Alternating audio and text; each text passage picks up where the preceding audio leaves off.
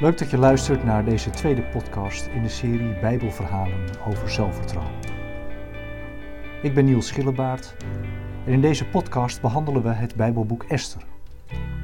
Specifiek kijken we naar wat de figuur van Esther doet, hoe zij haar zelfvertrouwen laat zien en wat haar zelfvertrouwen geeft. Zelfvertrouwen hebben we nodig op de momenten dat het spannend wordt in het leven. Op die momenten dat er sprake is van een confrontatie met iets dat onrust veroorzaakt, iets wat moeilijk is of iets wat mensen angst aanjaagt. Wie nooit de uitdaging zoekt, zal ook weinig zelfvertrouwen nodig hebben. Voor de dingen die je gemakkelijk afgaan, heb je geen zelfvertrouwen nodig. Je merkt pas hoeveel zelfvertrouwen je hebt en hoe belangrijk zelfvertrouwen is als je geconfronteerd wordt met uitdagingen in je leven. Het verhaal van Esther speelt zich af aan het Persische Hof in de stad Susa in de vierde of vijfde eeuw voor Christus, al is het verhaal zelf waarschijnlijk later geschreven, zo rond de derde eeuw voor Christus. Esther wordt met een enorme uitdaging geconfronteerd. Een gruwelijke werkelijkheid dringt zich aan haar op. Zij is afkomstig uit het Joodse volk dat in Perzië woont en dat daar is blijven wonen dat, dat zij er gedwongen heen moesten gaan de zogenoemde Babylonische ballingschap. Dat Joodse volk in Perzië dreigt nu uitgeroeid te worden door een wraakzuchtig figuur met een hoge positie aan het hof, de figuur van Haman. De koning in dit verhaal is koning Ahasveros, een wat onnozele en ook pompeuze koning, waar tussen de regels door ook wel de draak mee gestoken wordt. En die koning zoekt een nieuwe koningin de oude koningin liet zich weinig in hem gelegen liggen en dus gaat hij op zoek. Die nieuwe koningin wordt Esther. In een voor ons bepalend gedeelte van het verhaal heeft Esther al haar moed en al haar zelfvertrouwen nodig. Via haar pleegvader Mordechai hoort zij van de gruwelijke plannen die Haman met het volk heeft. Nu moet zij, als koningin, de koning Ahasverus overtuigen dit te verhinderen. Daarvoor moet ze bij hem zien te komen, maar dat is nog niet zo eenvoudig. Iedere man of vrouw, koningin of niet, die ongevraagd bij de koning kwam, kon daarvoor direct ter dood veroordeeld worden. Alleen als de koning zijn gouden scepter toestak, bracht diegene het er levend vanaf. En zo staat Esther dus nu voor een keuze van leven of dood. Als ze niets doet, is alles verloren. Maar als ze het wel doet, naar de koning gaan, loopt ze de kans zelf ter dood gebracht te worden. Mordechai moedigt haar aan door haar de grote gevolgen van haar eventuele niet gaan naar de koning voor te stellen.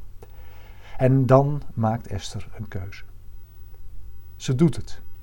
Ze gaat naar de koning en ze zegt: Moet ik omkomen? Goed, dan zal ik omkomen. Ze legt zich neer bij de eventuele gevolgen van haar daad en gaat moedig naar de koning. En in een prachtige scène wordt verteld hoe ze zich in een koninklijk gewaad kleedt, het binnenhof van het koninklijk paleis binnengaat. En daar staat: Daar bleef ze staan, recht tegenover de troonzaal, waar de koning haar direct kon zien. Ze staat voor haar mensen en ze staat daar voor haar zaak, al kun je je voorstellen hoe gespannen zij op dat moment moet zijn. En dan vertelt het verhaal. Zodra hij, de koning, koningin Esther in de hof zag staan, voelde hij zoveel genegenheid voor haar dat hij haar de gouden scepter toestak. Esther ging naar voren en raakte het uiteinde van de scepter aan.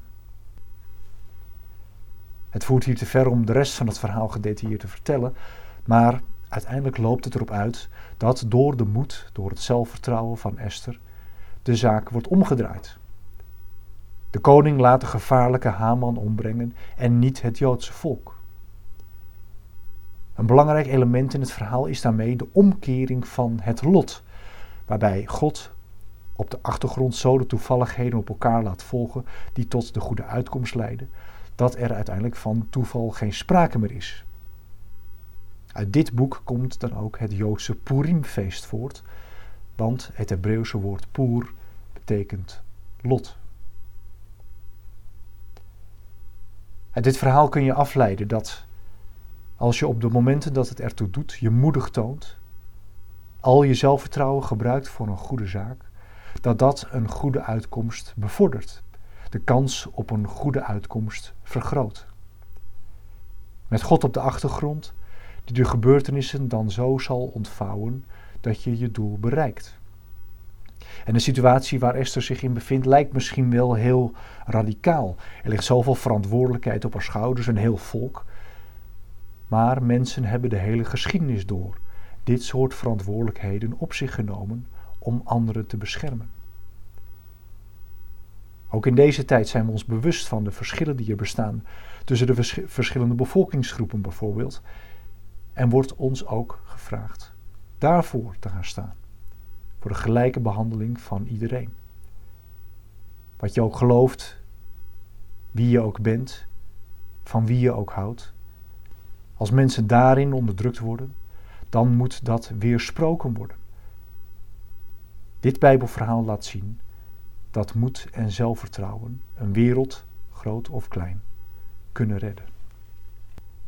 Zo is zelfvertrouwen niet zonder zenuwen of zonder spanning zijn. Je zelfvertrouwen groeit op het moment dat je gaat staan voor een goede zaak.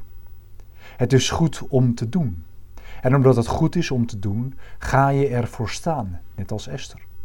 En omdat je ervoor gaat staan en je uitspreekt en je doet wat je moet doen, neemt je zelfvertrouwen toe.